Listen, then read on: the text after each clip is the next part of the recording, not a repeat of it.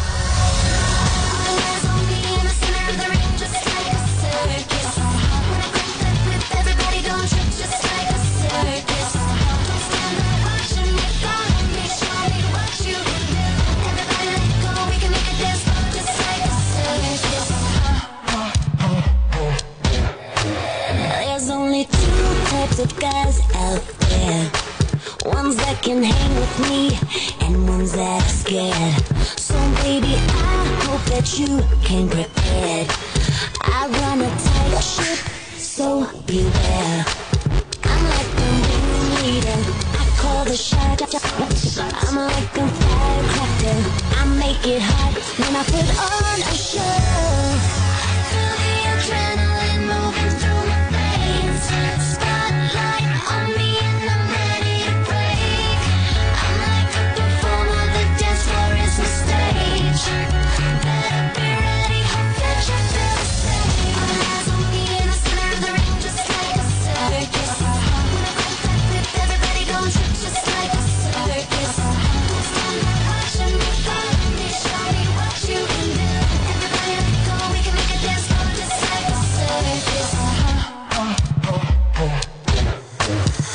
go.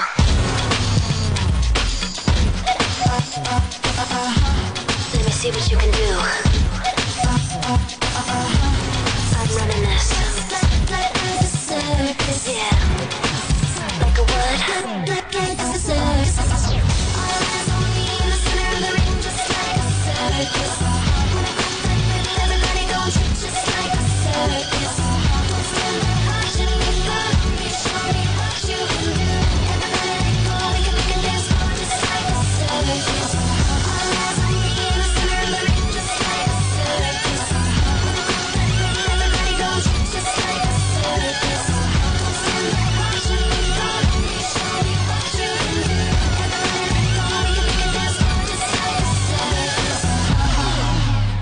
Góða kvöldið! Þetta er DJ Dóra Juliana með ykkur og þið eruð að hlusta á Radio Shadora. Við erum hérna á 101 Live öll 15. kvöld í bóði Íslensku Hamburgerfabrikunar og ég held að það sé tilvæli fyrir ykkur að skella ykkur fangað um helgina í góðan burger. Hvort sem að þið eruð vegan eða ekki, þá er ímislegt í bóði og ég er alltaf rosa sérfin að ég á sunnudögum að fara í kósi og fá mér góðan burger. Stefan Karl, hambúrgarinn er núna í miklu uppáldi hjá mér og ég mælu með því að þið tjekkið á hann. En viðmældi vikunar er mögulega skilgrinningin á fagkonu. Hún er læknanemi, studentapólitíkus ekstrordinær, uh, varaborgarfulltrúi, stopnandi og ferum stjórnarmeðlumur hugrun og geðfræslufélags háskólans, hjartalí, eldklár og ótrúlega skemmtileg. Svo er hún líka uh, We Go Way Back, alveg síðan í MH. Þannig að verðtu hjartalega velkomin í Reykjavík-dóra, mín kæra Ragnar Sigurðardóttir. Takk fyrir það. Hvernig hefur það í dag? Bara rosa gott. Ég hérna er í fríi. Gæðvikt. Aldrei svont um, kæri komið frí og já, ég bara, vá, ég fyrir bara hjá mér á þessu kynningu það má ekki munna vera. Ég er ótrúlega ánað að fengja hingað í stúdíu til mín í spjall. Við hefum nú eftir spjallað en aldrei í útvarfi nei, það er tilbryting, skemmtileg. Skemmtileg tilbryting, gaman að vera komin yngar mjög gaman að fá þig. Um, byrjum á einni svona skemmtilegri spurningu. Hvernig myndir að lýsa sjálfur þér í stuttumáli? Úff, vá, ég hérna, um, Hver erst þú? ætli ég sé ekki bara, ég svona er, já, veit ekki, dugleg eða eitthvað, reyna að Mhm. vera, um, já, kannski reyna að vera málunleg en það tekst ekki alltaf, um, er náttúrulega mjög svona virk, myndi ég segja, um, náttúrulega er í námi og líka í stjórnmálum, um, en hérna, ég get líka alveg verið fyndin og skemmtileg þá. Já, þú hefur ymsar stjórnmálum. hliðar. Já, ég hef ymsar hliðar og hérna, já, bara uh, er að reyna að vera, þú veist, góð manneskja, en hérna, Já, já, maður bara gerir sitt besta. hverjum degi skapar Já. sitt líf. Einmitt. Og þú ert í læknisfræði. Mm Á hvað árastu? Uh, ég er að fara á 15 ár.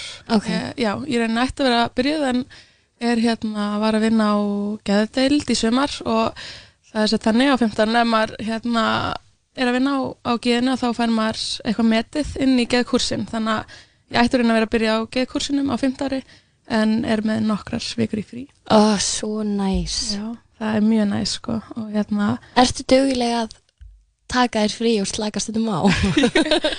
Ég er sko ekki alveg náttúrulega en ég er að fá, ég fæ mjög mikið svona inspo frá sko uh, til dæmis öðrum hérna borgarfylltrum, ég fæ sem þeim hérna uh, svona góð ráð eins og hún hérna Kristín Sofía sem er borgarfylltrúi uh, sem er reyndar að fara í fæðingrólu nú, núna, hún hérna var að tala um einhvern tímann að hún færi bara oft í svona nutt bara þegar hún þurfti að slökun halda og ég er svona Mhm.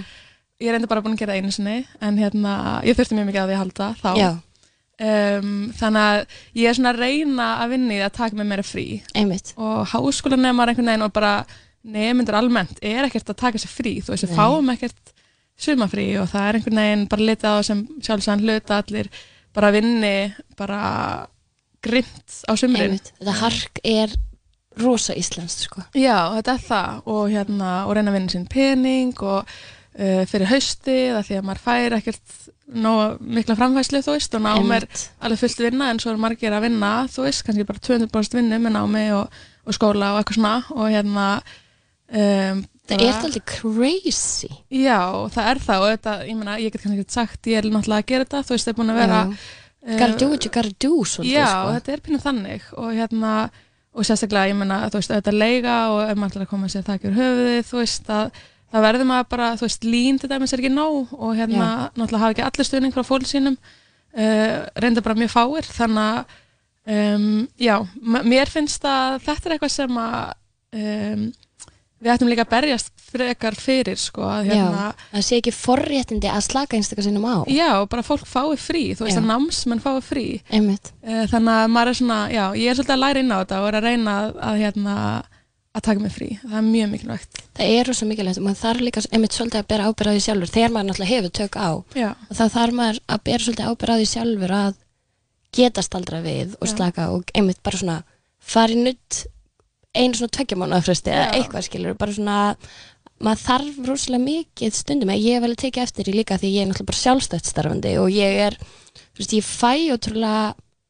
mikið frí í rauninni en samt einhvern veginn svona er maður alltaf á fullu þú veist, og maður er alltaf að halda sér upptegni þannig að ég hef svolítið þurft bara svona, ok, á þriðudaginn næsta þá ætla ég að, eða skilur þú veist þá þarf maður svolítið svona að bera ábyrð á því að maður slaki á mann líði vel og maður ekki alltaf, þú veist, á 150 einhvern veginn svona, og taka frá tíma. Einmitt, Til að gera það sem manni, já, það sem færi manni ró líka og þú veist, fyrir suma er það hugleisla, þú veist, Einmitt. og fyrir suma er það kannski ræktinn og ég meina, bara fara í sund, þú veist, Mhm. ég meina, meðan stóttúrulega gott að fara bara ein í sund og það er náttúrulega óti leið líka, Já. þú veist, til þess að bara finna eitthvað svona finna fyrir einhverju ró sem að vantar svo oft einhvern veginn akkurat í dag, þú veist, maður er alltaf aðgengilegur maður, í gegnum samfélagsmiðla Mhm. og, og síman og allt saman og hérna er á fulla vinna og kannski námi og, og sjáum, þú veist, eh, kannski fjölskyldu og vini eða uh, og halda rækta þau sambönd þú veist og hérna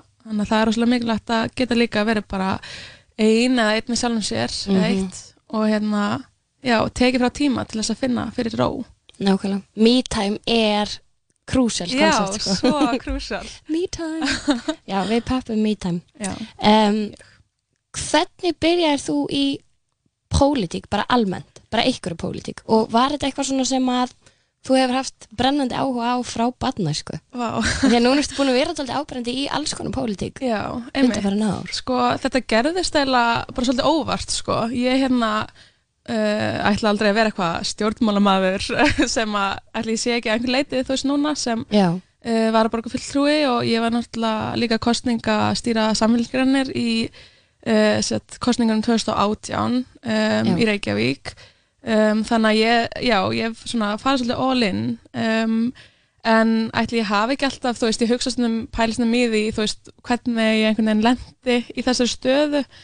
Um, og ætli ég hafi ekki alltaf sko, þegar ég var yngri þá hafði ég rosalega mikinn áhuga á samfélaginu þú veist, og ég var svona einmitt. mjög mikið bara að pæla og hérna, bæðið bara þegar ég var lítið þegar ég bjó Íslandi en svo flutti ég út þegar ég var að vera sex ára til Bandaríkjana og bjóð þar nýja ár og flutti heim uh, 15 ára.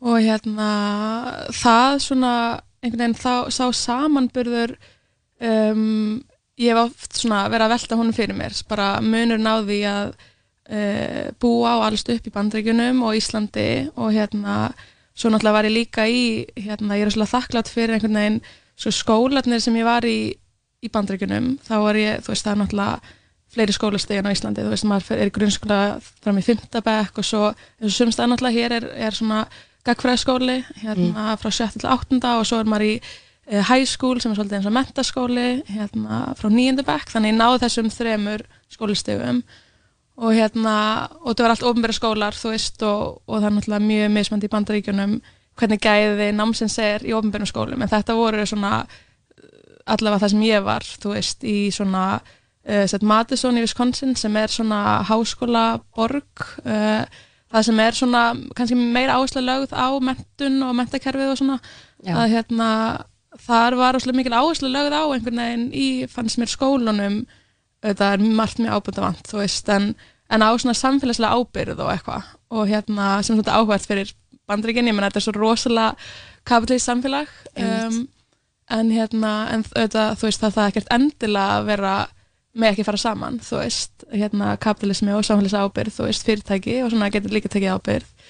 Um, en ég hérna ég var einhvern veginn alltaf rosalega mikið að velta þessu fyrir mér og svo kom ég heim og hérna það var 2007 og þetta var eitthvað svo áhugaður tími þú veist, ég var náttúrulega bara úlingur en hérna svo árið setna þú veist, byrjaði ég í mentaskóla og þá er 2008 og þá kemur hrun Já, og ég tala alltaf um sko mig og okkar kynsla þú veist, sem pínu svona hrun bennum já. eða þú veist, að því að Við ég- vorum líka 16 ára þegar Já, hrunið var þannig og svona mjög, já, já, og þetta hafði alveg áhrif mjög mikil, á mann og þetta meðs mikil áhrif á fjölskyldur og svona, þetta hafði áhrif á mína fjölskyldu og, Mhm. og enda með því að þau sagt, fjölskyldan fluttu út aftur til bandrækjana bara til þess að eiga efna á uh, húsnæðislánum og hérna og náttúrulega talsvært verið laun vissilega hjá hérna pabbi minn er, er læknir og hérna um, og það er náttúrulega má deilum það hvort það sé æskilegt hversu hálun eru þar úti sko um, en þau svona fluttu út til þess að reyna að svona takast á við þetta og um, ég var eftir heima þannig að frá, hvað varstu gömul þá? ég var þú- 18 ára Já. þannig að þá var ég, við vorum einmitt þarna í MH Já, og hérna ég bjó bara uh, ein í húsinu þeirra í Kópói og svo árið setna flutti sýsti mín heim. Uh, hún, er fjórum ára yngri, fætt 96 um, og hún var náttúrulega bara ennþá í grunnskóla og hérna við byggum hann saman í eitt ár og svo flutti mamma heim og svona, þau týndust heim kolli, svona koll og kolli, en þetta var mjög svona uh, þroskandi fyrir mig og ég svona ég held að þú veist, allt þetta hafa svolítið mótað mig sko, að hérna og þá var ég alltaf með pælingar, þú veist, í hruninu og svona um heilbriðskerfið og hvernig heilbriðskerfið var í Íslandi og hvernig var í úti og, og líka mentakerfið, mér fannst svolítið áhugavert sko að vera í skóla uh, í sagt, uh, high school eða sagt, í nýjönda bekk í bandaríkjunum. Og það var svo óbáslega mikill munur á því að koma heim í tíundabæk þar sem maður var ennþá í grunnskóla veist, í einhverjum frekar litlum grunnskóla í skilur og fólk hafa verið kannski saman í árgangi í tíu ár þú veist og, og hérna, já, bara Fjölbreytnin er ekki alveg eins mikið Nei, og þú veist, allt öðru áherslur og Já. ég meina, þú veist, ég var alveg í, held ég, tvöðust manna skóla, þú veist, og það eru fjóra árgangar, þú veist, Já. og mjög fjölbreytt, mjög mikið að innflytjendum mm, og hérna, fólk bara með, þú veist, alls konar bakgrunn og uppruna og, Já, og það, mér fannst það bara svo geðveikt frábært, sko, Já. og svona, já, ég vil alveg einhvern veginn, um, þú veist, þegar, ef ég eignast börn skilur að, hérna, þau fara í skóla það sem er fólk með fjölbreyttan bakgrunn af því að það er bara svo mikilvægt að kynnast öðrum menningarheimum og, og sérstaklega á þessum uppvægstar árum sko, já, er, já, einmitt. Af því annað náttúrulega ef maður alltaf bara með einhverju, þú veist, hvítu fólki sem maður er með svipan bakgrunn maður sjálfur, þá bara verður maður örgulega fordómafullur, eða þú veist, maður er alltaf heppin alltaf maður svolítið ekki einsleitt sko, Já. það er einhvern veginn einmitt. Það er svona grunnurinn í því svona að berjast gegn fordómum er náttúrulega það að fólk sé ekki fáfrótt skilur Nei, einmitt. Þú veist að maður svona þekki og viti og skilji og fræðist og svona og þú veist það náttúrulega getur verið pínu takmarkandi stundum en maður er alltaf í sama umhverju með sama fólk. Já, og það er svona svo mikilvægt fyrir okkur bara sem samfélag að taka á móti fólki frá öðrum löndum, þú veist hælisleitindum og flóttumönnum og hérna uh, og bara taka vel á móti fólki sem flytur hingar og sest að til þess að vinna eða læra og, og að því að við getum lært svo mikið af eh, öðrum löndum og menningarheimum og maður Já. finnur það bara hérna, eins og í bandreikinum hversu rík menningin er af mismandi um, svona bakgrunnum og þetta já, gerir bara menninguna miklu betri algjörlega, algjörlega, miklu meira lifandi og skemmtilega líka sko Já. En já, svo, vá, ég er bara Já. uppvægst ári. já, En hérna, pólitík já, hvernig gerist það? Sko, ég, það gerist eiginlega bara einmitt, óvart, sko. Ég hafði alltaf verið eitthvað að pæla í þessu og svo uh, var ég bara, þú veist, ég hafði alltaf verið frekar svona góður námsmaður í grunnskóla og mentaskóla og hérna var svona, ég var ekkert eitthvað mikið að djamma, þú veist, ég var bara heima að læra hérna- ólíkt sumum Byrðu slekka á þessu. Byrðu prófa að tala Halló. Nei, það heyrist þér Ó, heyrist, ok. Heyrist þú ekki þér? Já, heyrnartalinn. Fóruð úr Smá tæknilegir Ok Æ, ég rakst í þetta, það ekki hérna. En hérna, uh, já, þannig að ég var ekkert eitthvað svona að taka mikið þátt í félagstörfum í, eins og í MH.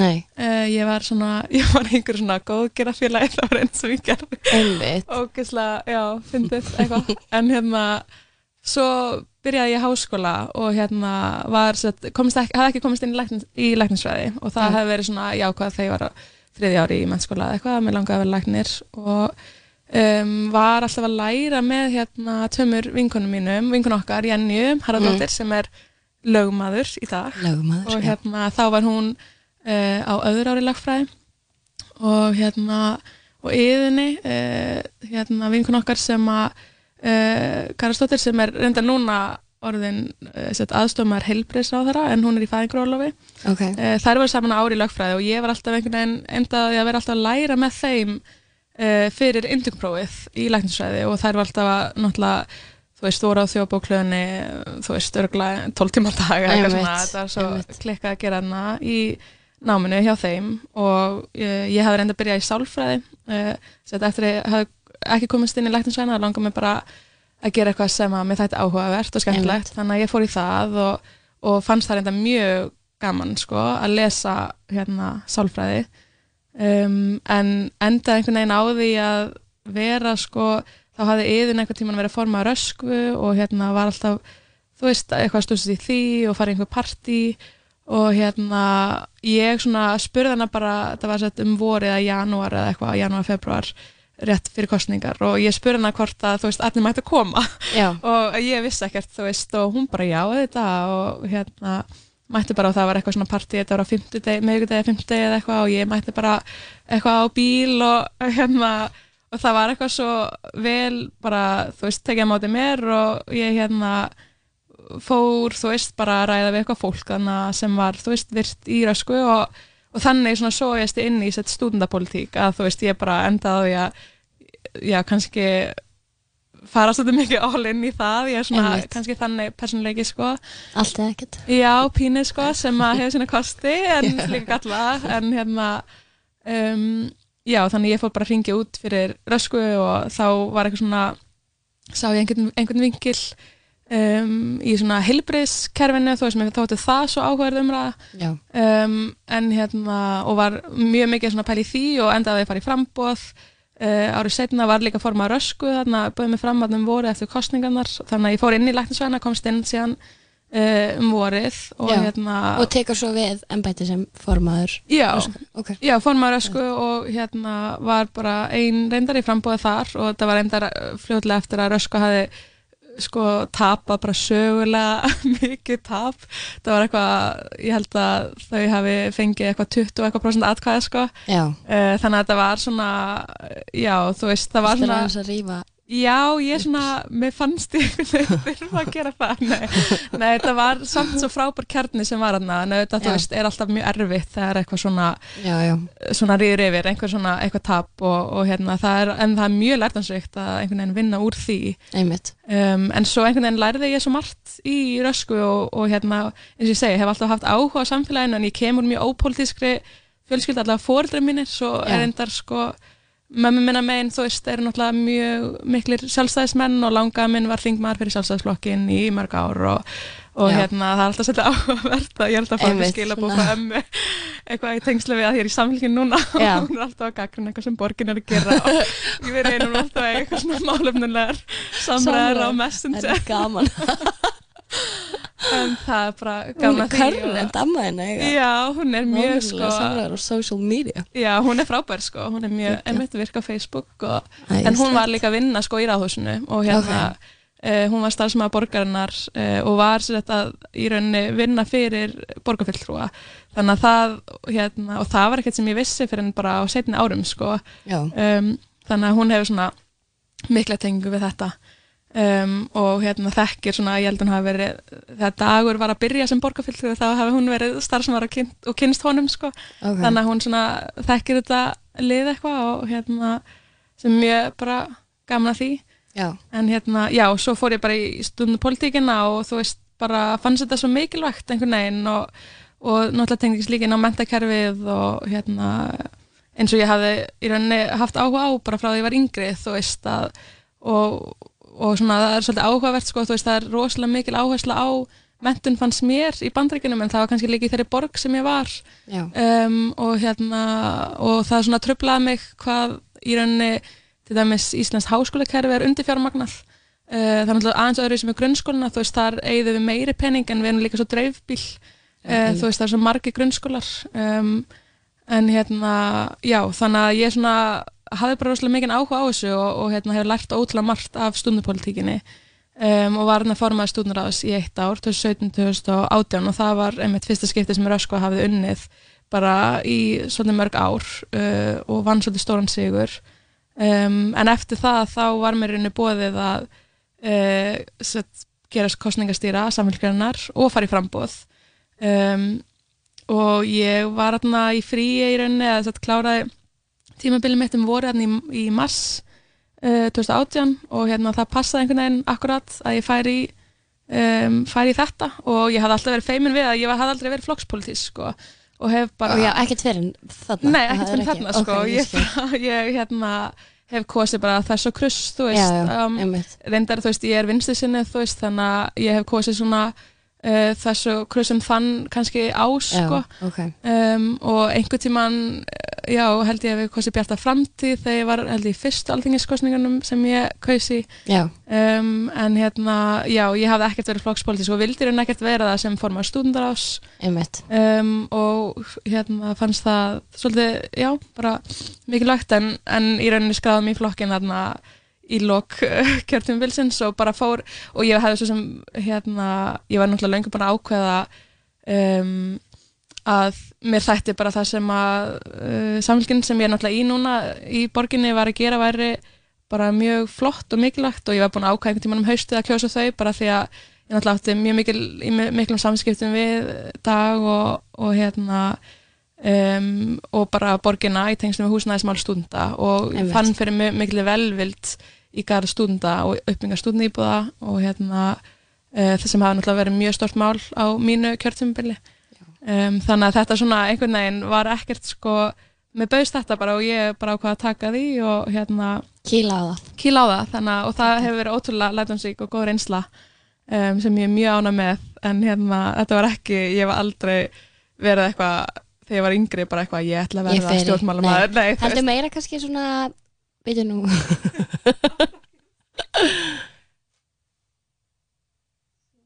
Hal- Já, þetta er eitthvað laust. Jú, ég held að prófa. Það er ímislegt spennandi sem, nei, sko prófa, maður sjá. Það sem er, veitu.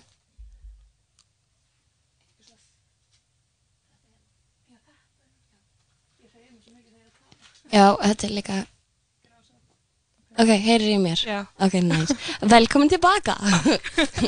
hérna, já, heldur meira kannski svona eitthvað sem að um, brann á þér, málefni og alls konar, þetta bregnin svona make a sense. já, Þannig að, eiginlega og þetta tengdist því sem að þú stendur fyrir og þið langaði að gera, þannig að já, frekar heldur en að pólitíkus per se hafi verið draumurinn þá bara einhvern veginn svona, já, og það var einmitt, já, kannski freka bara málefnin sko. já, og, náttúrulega, hérna, einmitt. og þú nefndir einmitt í byrjun hérna hugrunu og, og Já, við vorum já, það. já, einmitt Mér finnst það svo hérna mér finnst hugurum geðfræslufélag svo óbúslega áhugavert og mér finnst það svo hérna mér finnst þetta svo flott koncept og flott félag og mikilvægt og ég fekk að mitt Kristinhulda einu sinni hingað til mín í viðtal um, en þú sko, þú stopnar hugurnu, er það ekki? Er, Jú, já, við erum í rauninni nok nokkur sem stopna hurunu og þetta hafði náttúrulega verið, það var hugmynd sem hafði verið einhvern veginn uh, til mjög lengi.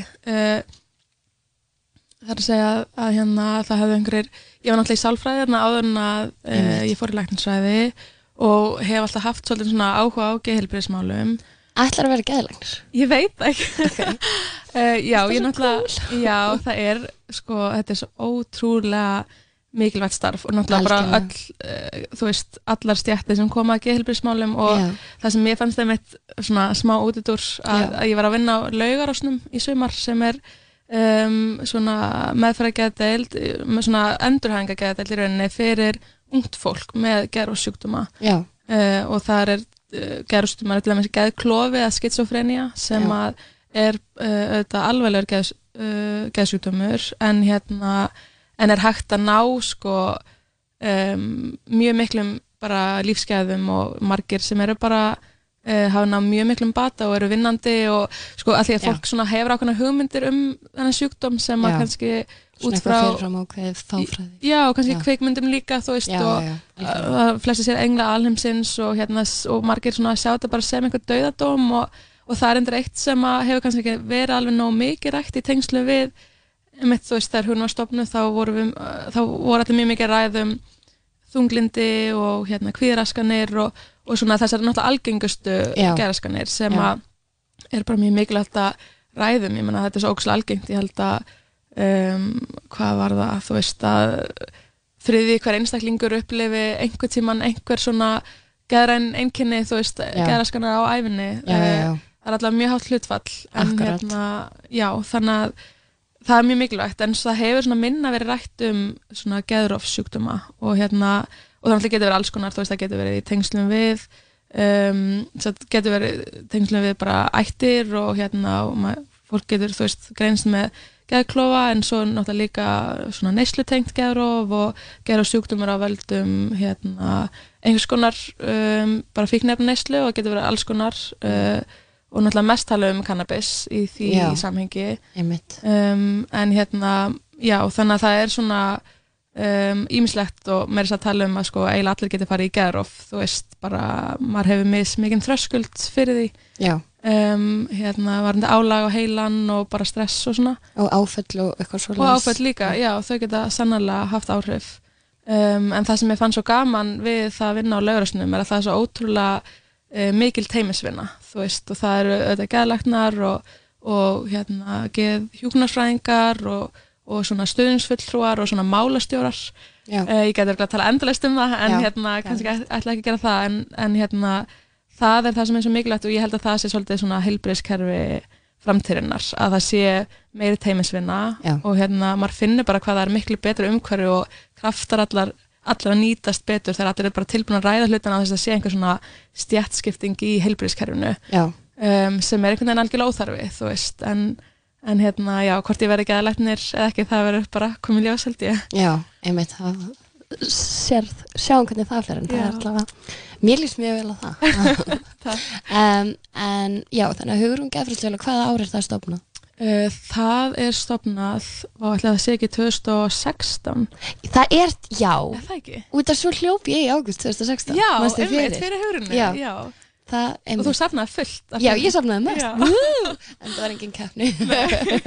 En það er einskið sem ég hef með hlaupið. Ég hlaup, Já, einmitt. þú veist, í þessu hlaupu Svo fyndið smá útsutur líka. Ég skráði mig í hálmarathon svo tvö ár í röð Og svo var ég alltaf bóku að spila Já. Þannig ég var eitthvað, æ, ég get ekki átt mig núna. Spila á menningunum Já, þú veist, að spila á bara á hlaupinu Já, Sem að var alveg, vá, það er svo gaman í þessu hlaupu Já, ótrúlega mikið stemning og náttúrulega gaman að geta lagt góð málblið Nákvæmlega, það er alveg ómetanlegt. Mhm. um, En þannig að starf sem er hefst þá Er það í haustið 2017 sem að Sko, þetta var eða? 2016, mér minnir þetta hafi verið já, já, um, var ekki um vorið? Já, og það var einhvern veginn þannig sko, já, þessi hugmynd hafi verið í loftinu og margir, þú veist, einhverju hafi verið að ræða þetta innan sálfræðinar sem voru reyndar sko, einhver hópur sem var að, þá nýbúin að útskrifast. Já, og einhvern veginn hafði ekki orðið kannski alveg úr hugmyndinni. Svo voru hérna hjúknafræðinemar búin að ræða sína á milli líka einhverjir og þau eru náttúrulega sinna einhverju svona fræðslu starfi og líka og hérna og eru með fræðslu félag uh, sem Mhm. hjúknafræðinemar sinna.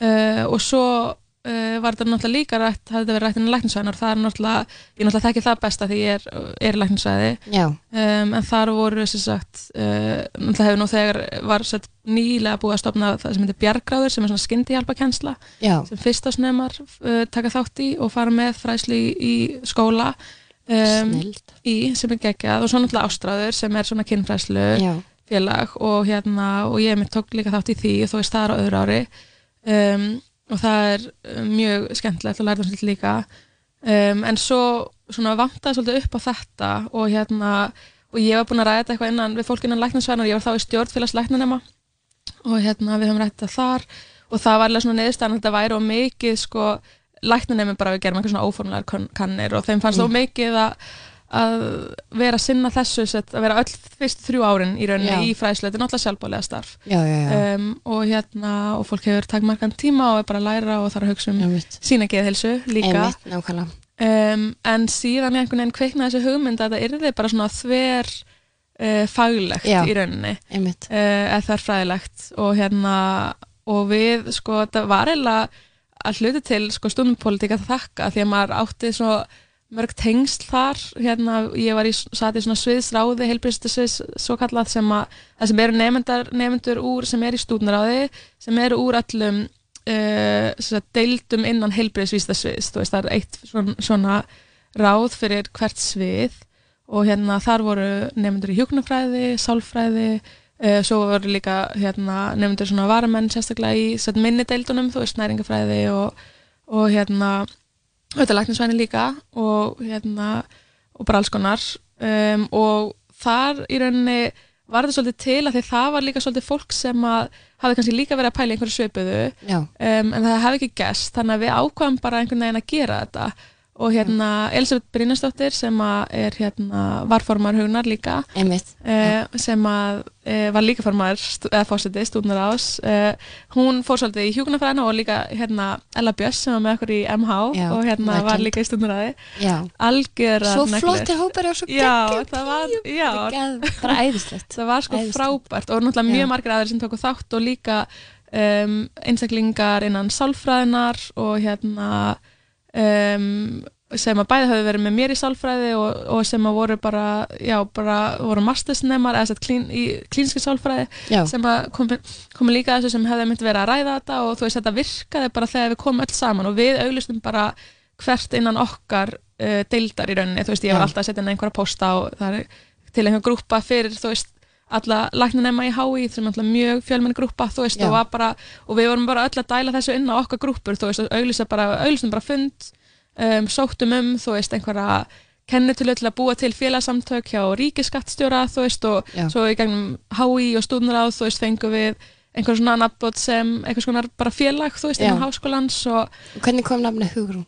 þetta var nefnilega, já þetta var rætt sko, mér minnir að við höfum fyrst rætt þetta á stjórnufundi hjá félagalegnunum að uh, þá vorum við eitthvað að ræða um bara alveg í byrjun, þú veist, það hefur þá um haustu 2015 um, að þá var eitthvað svona ástráður bjargráður var til og, og hérna það var einmitt hérna hann Sæmundur Rökkvald sem var líka með okkur í MH sem var hérna, minna hann hafi verið formaður félagsnafnum að þá og hann allavega, hann sagði sko já það þarf að vera eiginlega kvenkinsnafn þú veist það er svo fárnlegt að sé allt þessi kallkinsnafn þannig að við einhvern veginn bara vorum að velta þessu fyrir okkur og kom upp þetta nafn, Hugrún. Ég held að það hafi gæst hann um haustið og, og það leist bara já, Já. það leist alveg svo vel á þetta, þú veist, hugur og akkurat. rúnir, þú veist Einmitt. og þetta einhvern veginn já, það snertir á svo marga fliti einhvern veginn og Algjörlega. okkur fannst það bara fullkomið þannig að við svona og vorum, satt, heldum síðan annað fund um snemmum vorið eh, 2016 þá og hérna og þú við þurftum að búa til eitthvað svona stoppfund og gera, búa til lög og eitthvað svona til þess að geta talið sko félagsamtök um, og vera hvað sem í stjórn og svona uh, og ég var hann í stjórninni fyrsta árið og uh, já, við einhvern veginn bara gerðum þetta og byggum til einhverja svona alls konar míninemndir og, og hérna fólk sem var að sjá um fræðsluna og fólk sem var að sjá um, ég var líka að hjálpa til við að búa til fræðslu dagana þar sem að við fáum bara fagaðala hérna voru þarna í, á landsbytalunum í hérna barnasal ring eða sett, hérna félagsasal ringsins um, og hérna já, einhvern veginn og það var bara þetta var bara réttu tími í samfélaginu Algjörlega. og voru allir tilbúin að einhvern veginn gefa vinnu sína sem að við hefum aldrei getað gert Nei, við hefum aldrei getað gert það án þess þú veist, bæði nefendur í háskólanum og fagaðlar sem Já. komu heldur fyrirlesta fyrir okkur og hjálpuð okkur og leiðbend okkur varandi fræðslefnið og við fengum svona input frá sérfræðingum þegar við vorum að gera í rauninni fræðslefnið sem er Já. náttúrulega ómetanlegt því að maður vill ekki fara, þetta er alveg ábyrða Já, hluti nákvæmlega. að fara með svona akkurat. Já, þannig og svo voru svona þjálfunabúðir og mótili í rauninni, við sóttum mjög mikið mótili bara til þess hvernig ástrári sem hefur náttúrulega verið í svolítið mörg ár Já, um, og hérna voru svona fræðsluferð og, og já, þannig að þetta svona einhvern veginn bara gekk upp sko og hérna, og fannst ekki alveg fyrir því hvað þetta starf var mikilvægt og hvað var mikil þörf á því. jú, algjörlega og bara, einmitt bara á því bara eins og, þú veist, mætingin á fyrsta fundin, skilur Já. það voru bara, var fullt af fólki sem Já. mætti og hérna allir tilbúinir að gera eitthvað og, og hérna sem sýnir kannski þörfina, þú veist, stundum þú veist, er bara hugmynd þannig að hún bara þarf einhvern veginn að gerast Já, um, og hérna og, þess vegna líka gengur allt upp einhvern veginn. það er bara, það eru bara allir tilbúinar Já. og veist, og það, ég meina, Hugrún hefði aldrei orðið neitt, skilur, ef að að allt þetta fólk hefði komið að þessu og verið tilbúið að taka þátt og, og bara og bara fólk hafi fundið þetta jafn mikilvægt, þú veist, og, og þetta er um, þannig að já, þannig að það var, og, þetta var líka fólk að hafa samband og senda skilabóð um hvað þetta verið mikilvægt og, og hérna, einmitt, einhver kannski fyrir nefnendur sem hefði viljað taka þátt í þessu og það, það er svona, já, það skiptir mjög miklu máli að fá hennan stöðning og svo er mitt fólk bara eins og þú sem að koma inn og voru tilbúin að taka þátt með því að segja sína sögur, þú veist, Einmitt. og það og sko það hafi líka rosalega mikil bara áhrif á mig, þú veist, maður Já. svona þegar maður heyri svona reynslusögur fólks, þú veist, og á svona fræðslukvöldum á svona svo, mannlegu spjalli líka með það næri Já. manni svo, einmitt, Einmitt, að, veist, og, og taka allt þetta tabú, þú veist, af, skilur, þetta er bara ástand sem að, þú veist, maður fer í gegnum, skilur, og, og hérna, og margir fara í gegnum, þú veist, og, og hérna, ég tengdi alveg margt þarna sem var sagt og, og læriði, þú veist, hef náttúrulega bara verið að læra inn á mig líka í, í gegnum þetta, sko. og það er einmitt svo skrítið að þú veist, maður átta sig svo oft ekkert á því hvað er nákvæmlega í gangi fyrir að maður heyrir frá okkur um öðrum og þá fattar maður, þú veist að því að maður er ekkert alltaf meðvitaður um ef það er eitthvað sem er að sjá mann Nei. skilur hvað það nákvæmlega er eða Einmitt. hvað er að gerast og hlutin er einhvern veginn þróast og allt í maður bara orðin veikur og eitthvað sem að maður kannski náttúrulega sjálfsögðu ætlaði sér aldrei Já. og þú veist Maður fer bara í það survival mode einhvern veginn og, og heldur bara áfram. Nákvæmlega. Og ég var alltaf svo ótrúlega inspired af fólki sem að, þú veist, gat speak their truth og sagt Mhm. sína sögur og einhvern veginn svo, mikið hugur ekki fólki en á saman tíma svo mikið svona frelsi og Já. fjarlægð frá ef, fyrir mér var þetta svo mikið svona ég gat svo mikið fjarlægt mig frá áturskuninni þegar ég gæti talað um hana algjörlega. sem eitthvað, þú veist þá svona aðskilur maður hann svolítið frá sjálfu sér Já, þú ég veist, meina þú er- ert ekki veikindin skilur, þú veist, þau eru þú veist, hlutamanni auðvitað, Já, já. En, en hérna og maður ber þessa reynslu með sér en, en hérna, einmitt að þetta er, þú veist, þetta er bara þetta er reynsla sem maður gekk í gegnum og margir aðrir að gangi gegnum þessa nákvæmlega, reynslu. Nákvæmlega. Og það er ekki tabu sko. Það er Nei. mikilvægt að alls ekki tabú. Ég er, ég er ótrúlega ánað með hugurinn Já, samanlega er gaman að heyra. um, ok, förum hérna aðeins í svona persónleira spjall núna. Um, hvað veitir þér innblástur? Úff, svo margt. Um, bara til dæmis þetta, skilur bara Já. þau sem að hafa hugur ekki til að segja frá uh, segja sína sögu og hérna ætla að sé ekki, þú veist, maður hefur einhvern veginn sko fyrirmyndir allstaðar og ætla að sé ekki einmitt líka bara fólk sem að hefur hugur ekki til þess að kannski reyna að breyta samfélaginu.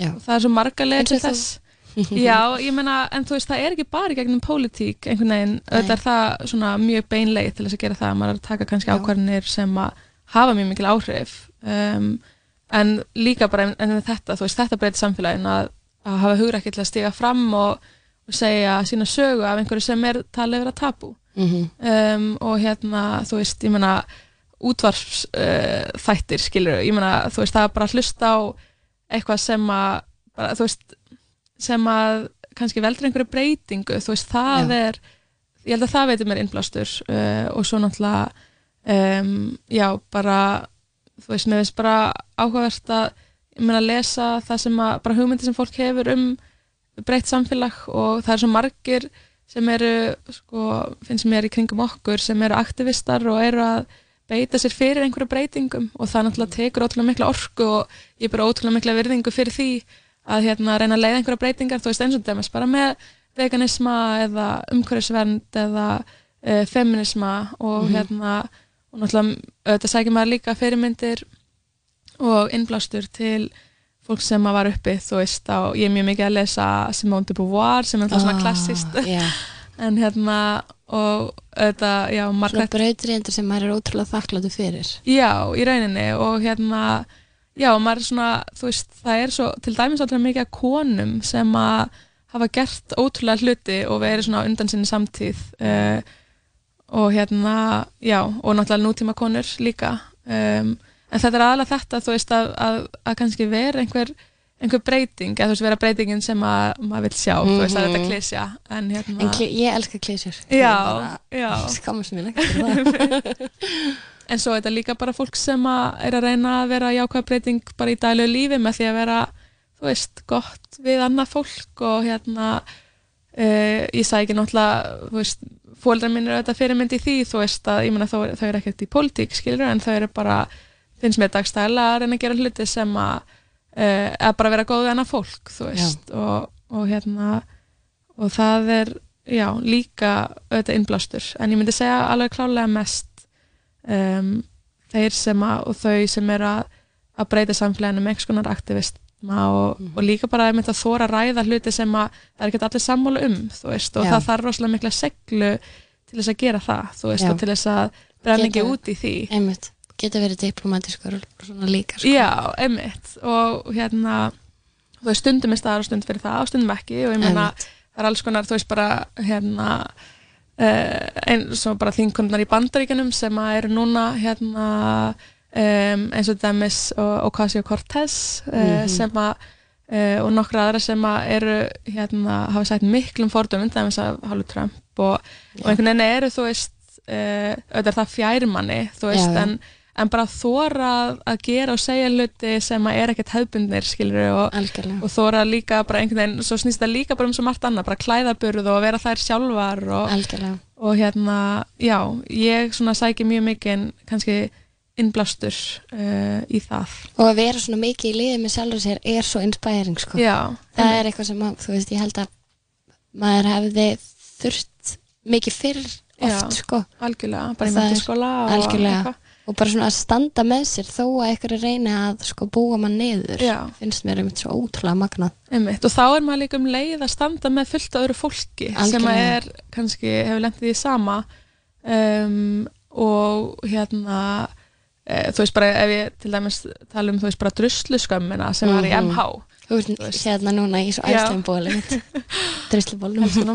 hérna þú veist, já, það er bara, já, þú veist, og ég meina, og, og ég meina maður tengir svo mikið við þetta þú veist, þetta var svo aktúelt, þú veist Mhm. þetta var bara raunveruleiki manns og, og þú veist, ég mann hérna, þú veist, ég var alveg druslu skömmið af vinkonum mínum, skilja, og þeir sem eru bestu vinkonum mín í dag, þú Algjörlega. veist og, og hérna, þetta var einhvern veginn bara menningin þú veist, og ég meina, ég, það var ekkert feministafélag í MH þá, og ég vissi ekkert hvað feminism var, held ég fyrir Einmitt. eftir ég útskrifaðist, sko. þetta var eitthvað svona þú veist, maður hafði mjög ákveðna hugmynd, feminismi var eitthvað svona já, wú, en ekkert sem að maður var eitthvað, hvernig get ég tilengað mér hann Já. í daglegu lífi og hvernig getur við breytt okkar samfélagi með honum eitthvað, þetta var eitthvað svona pínu fara át, eitthvað svona þú veist, ég, maður hafði svona feminismi var einhvern veginn allt öðruvísi pæling þá heldur Já. en að við vitum að hann er í dag þetta var kannski svolítið svona sögulegra já, nákvæmlega og einhver svona rauðsokkur sem að maður tengdi ekkert að þetta voru Nei. bara allt öðruvísi vandamál þá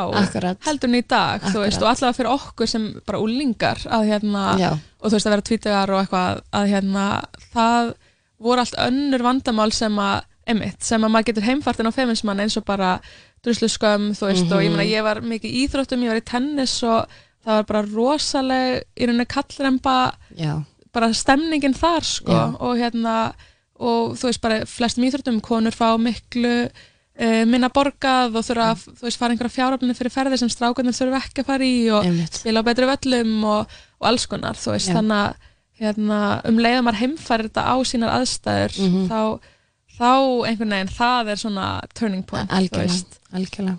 Og við lifum á, mér veist við lifa svolítið merkilegum tímum út af því að við erum búin að upplefa svo mikið Já. síðustu tíu ár af alls konar veist, og það er bara, það hefur orðið svo hröð breyting í samfélaginu á bókstala öllu. Já. síðan að við vorum 16 og maður er bara eitthvað svona og mér finnst svolítið svona ég er óslega stolt af yngri okkur að hafa einhvern veginn, þú veist, allt sem að við þurftum að þetta var svo erfitt og það er, þú veist, maður vannmetur á svolítið. Hvað það var yfirþyrmandi að vera í samfélagi þar sem að maður var svolítið bara svona rakkaði niður og maður varð að hafa húmor fyrir því, skilur. Akkurat. og bara svona maður þorði ekki að fylgja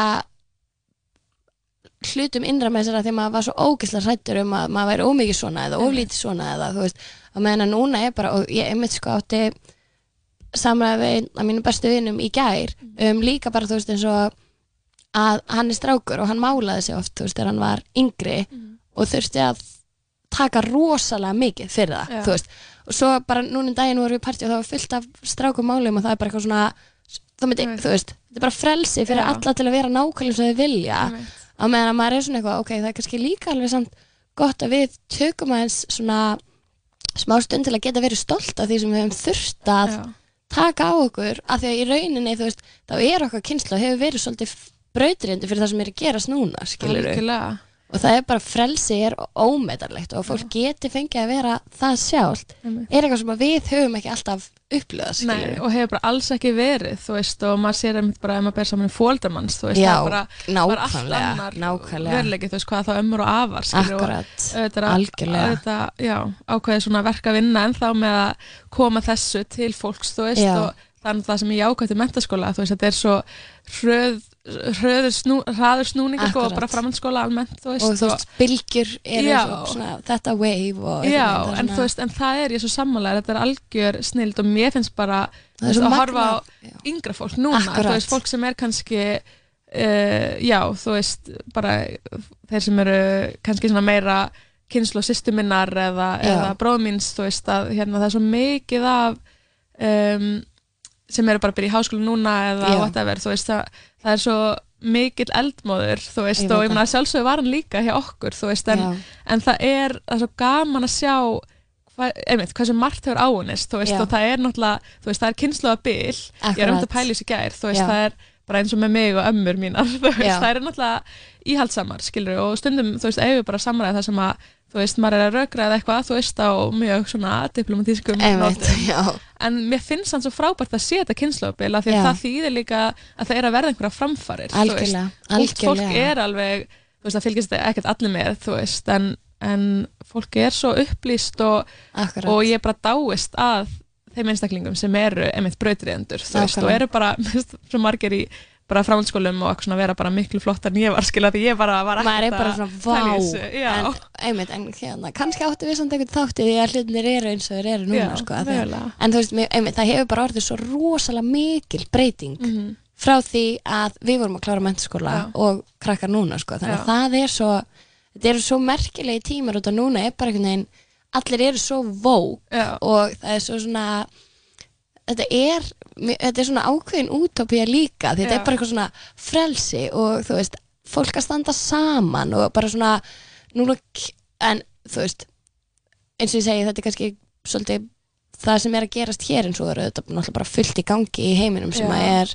og bakslög algjörlega, algjörlega og þú veist bara eins og það sem er að gerist í bandaríkjunum er bara súrealist skiluru en það er samt svona rattir eru heard þannig að og þetta er, um, þetta, þú veist, bandaríkinn á sama tíma, þú veist, þá er uh, finnst manni, þú veist, einhverja framfarir, skilur í stjórnmála umræðinni, þú veist, að því að þessa þessar rótækuru, þessar svona meira rótækur rattir, uh, eins og dæmis bara í demokrataflokknum, þú veist, er að fá meira pláss. Og hérna, og Einmitt. feminism er að fá meira, meira pláss, finnst Já. mér.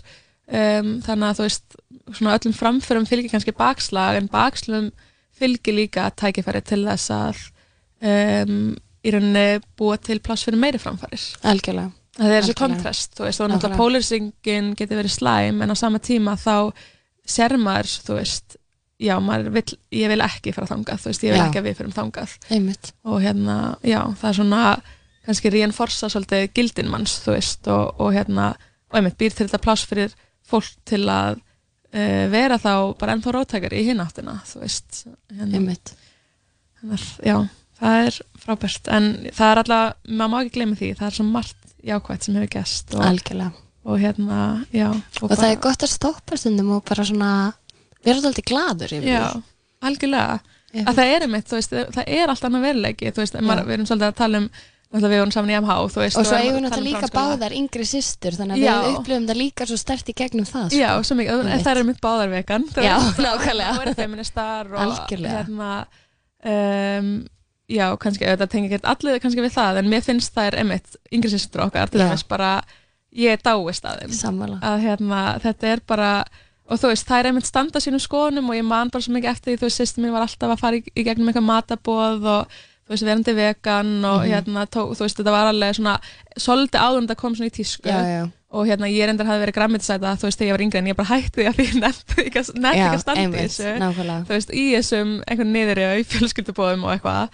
Það er mikið mótlæti þetta er fárilega mikið mótlæti. Svo mikið gaggrín líka. Svo mikil og svona rökraði sem hún nennir ekkert að taka þátt í frá ömmu afa og frá einhverjum frændum og, eiga allir einmitt einhverja, þú veist, ættinga sem eru kannski, þú veist, sjómenn eða Mhm. eru hérna þú veist, í einhverjir svona búfjarækt Mhm. og uh, já, hún svona fekk alveg bara fullt af gaggrinni en hún bara stóð hann af sér, skilur Mhm. og hérna, og núna er það svo orðið þannig að þess að papp okkar er orðið vegan og hérna ok, vá.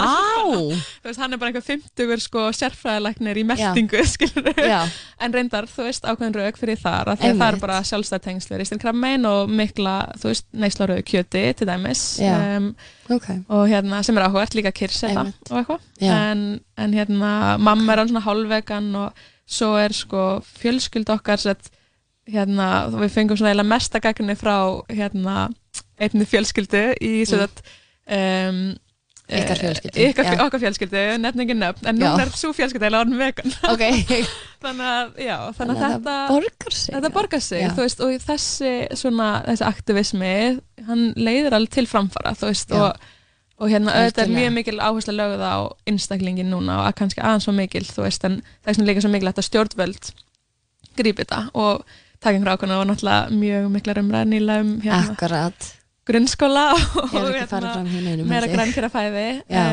en auðvitað er það, þú veist, auðvitað eiga stjórnvöld að taka þessu ákvarðanir, ég meina við erum bara með ákvarðan markmið, þú er veist, nefnilega, og þú veist, til þess að ná allavega kannski yfir sem breiðastan hóp, þá þarf að þurfa þau svolítið að grípa inn í. Já, þú veist að það má ekki bara vera einstakling sem eru woke, þú veist, að, að gera eitthvað, þú veist, það þurfa líka að vera einmitt stjórnvöld og ég meina við erum með markmið. er Já, það er, tilgangun og þetta, þú veist, þurfa þau líka þú veist, þetta líðræði, ég menna og svo kemur bara ljós í næstu kostningum hvernig hvort fólk verður sátt við þetta eða ekki, þú veist uh, og hérna, og náttúrulega sem, það sem er kannski jákvætt og neikvætt við Ísland er að það er svo mikið aðgengi að stjórnmálumönnum en ég fagn alltaf, þú veist, eins og svona þessi yfirlýsing frá grænkerum.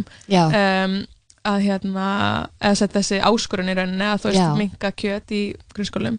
Þetta er bara, þú veist, þetta er bara aktivismi þú veist, já, og, og þetta er bara framtíðin og hérna við ætlum að vera kólninsluðlaus árið 2030 Einmitt. se, og þá þarf bara að gera fullt af shiti til þess að, að hérna, það takist og þetta er margir sem segja stjórnveld sé, sé ekki gera neitt þú veist, en, en það er alveg þú veist, það mætti vera miklu meira uh, og hraðari breytingar en, en til dæmis þetta og hérna ég er náttúrulega þekki mest Reykjavíkuborg þú veist, en, en öll svo vinna sem er að fara í uh, borgarlínu og bættar almenningssamingur og hérna, þú veist, þetta er alveg þú veist, þetta hefur allt sama markmið sko. Um, þannig að það hérna já, sem þarf bara að gera. Algjörlega, algjörlega. Um, ok, elskar Ragnar, núna erum við komin á síðustu tvo liðina, tíminn er búinn að fljúa hjá og það er búið að vera svo gaman að spjalla við þig. mjög gaman Svo kósilegt með okkur. Um, ef þú ættir að gefa eitt ráð til þeirra sem eru að hlusta frá sálinni þinni, hvað myndi það vera? um, eitt ráð ég myndi segja bara sko, við höfum öll eitthvað sem að, þú veist, okkur langar að gera Já, um, og hérna eitthvað svona ræður þetta hljóð mikið okkurslega cheesy. Ég elska cheesy. uh, já, ég myndi það er ástæð fyrir að það er cheesy. Mm Nei, ég myndi segja bara að þú veist, stundum vill maður gera eitthvað og maður á bara að kýla á það. Algjörlega. um, það er allavega held ég það besta sem hefur komið fyrir mig þú veist, að bara að bara prófa eitthvað, þú veist, bara kýla á hérna, þú veist, það er bara politík og maður þarf ekkert að þú veist, maður þarf ekkert að fitta inn í einhver box, skilur maður þarf ekkert að vera bara eitthvað í þessu boxi ég ætla að vera stjórnmálmaður, ég ætla að gera þetta og fylgja þessum leiðbenningum, þú veist, maður þarf ekkert að vera um, í einhverjum svona fyrirfram mótum kössum sem hafa verið kannski mótaðar fyrir kynslum sem að byggu bara vel, allt annað veruleika heldur en við búum við í dag. Einmitt. um, þannig að ég myndi segja já að hérna kýla á það sem að hjarta segir að gera? Algjörlega, mér þetta út að ég var einmitt núna bara í sömur, þá var ég að hugsa, ok, maður hugsa svo oft með langar eitthvað. Og maður er kannski búin að segja mig langar í nokkur ári, maður gerir ekki neitt, þannig ég var svona, ok, það sem mig langar virkilega mikið, ætla ég að breyta bara í ég ætla og segja við fólk ég ætla þetta og þá neyðist til að til að gera. Það. Þannig að, algjörlega. um, ok, síðasti liður er óskalag. já, heyrðu, óskalag, ég var að hugsa þetta sko, um, ég hef verið rosalega mikið að hlusta á svona uh, latína tónlist umfarið.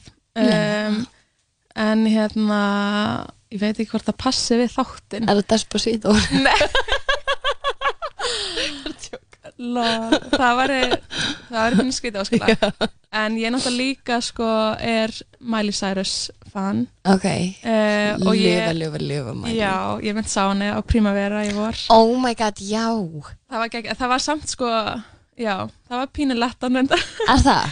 já, en hún var ný, nýbúin að gefa þessa plötu sem að ég Já, kannski já, já, og maður var ekki, beðum áskala, hún sagðist eitthvað að vera þunn og þú veist, hún Já. hérna ok, Æ, hún kom beint á eftir einni sem var geðveikt einmitt inspiring, þú veist, sem var Æ, hún var hérna, æ, svo sem syngur hann það Pink uh, ó, það stólum með hvað hann heitir hérna uh, Æ, maður sé lægi hérna P-U-S-L-O-N-K hérna hún er frá bandaríkjunum Æ, ég hafði eiginlega ekkert hlusta á hana það mikið, sko ok, uh, en hérna hún er komið, hvað það er?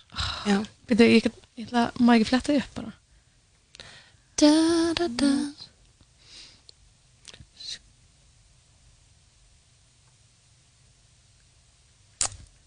Uh, Já, Janelle Monáe já, já. einmitt, hún er geggjöð. hún er, já, hún er já. frábær uh, sko, Hún eins og ég segi já, ég hafði, hafði ekki hlust á hana en hún kom sér að hafði verið með einhverja svaka ræðu um einmitt Trump og hvernig það var allst upp sem um, svört hins einn kona í bandaríkjunum Já, og hún fór að gráta upp á sviði og þú veist, við vorum nokkar bara sem fórum að gráta bara- bara, já. þú veist, það Oh var my eitthvað svo. Fallegt og einmitt inspiring og svo kemur eitthvað mæli og var eitthvað þunn en, oh, já, og var eitthvað ok. svona, já, spilaði ekki það mörg lög en ég samt hef verið að hlusta á uh, nýju plötun hennar Já. og ég ætla að byrja um Óskalagi sem er hérna Party up the Street Það er geðvitt lag. uh, það er svo, já, Party up the street. það er svo mikið fílgull lag þannig ég ætla að byrja um það Á Er nýja platan hennar ekki? Ekki að spotta það.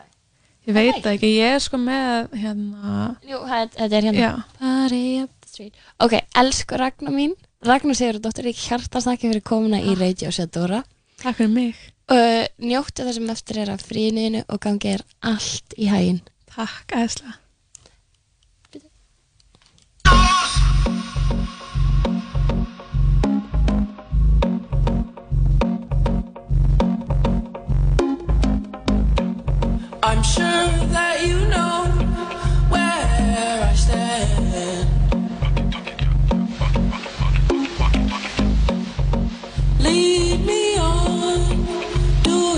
You still can.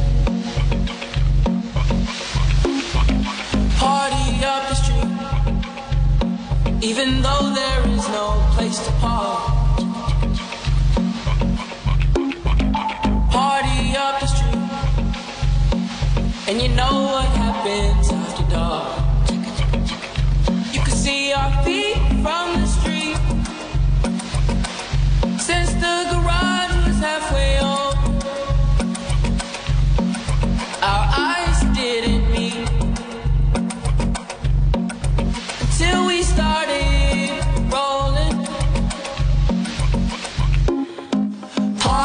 Up the street even though there is no place to park. Party up the street, and you know what happens after dark.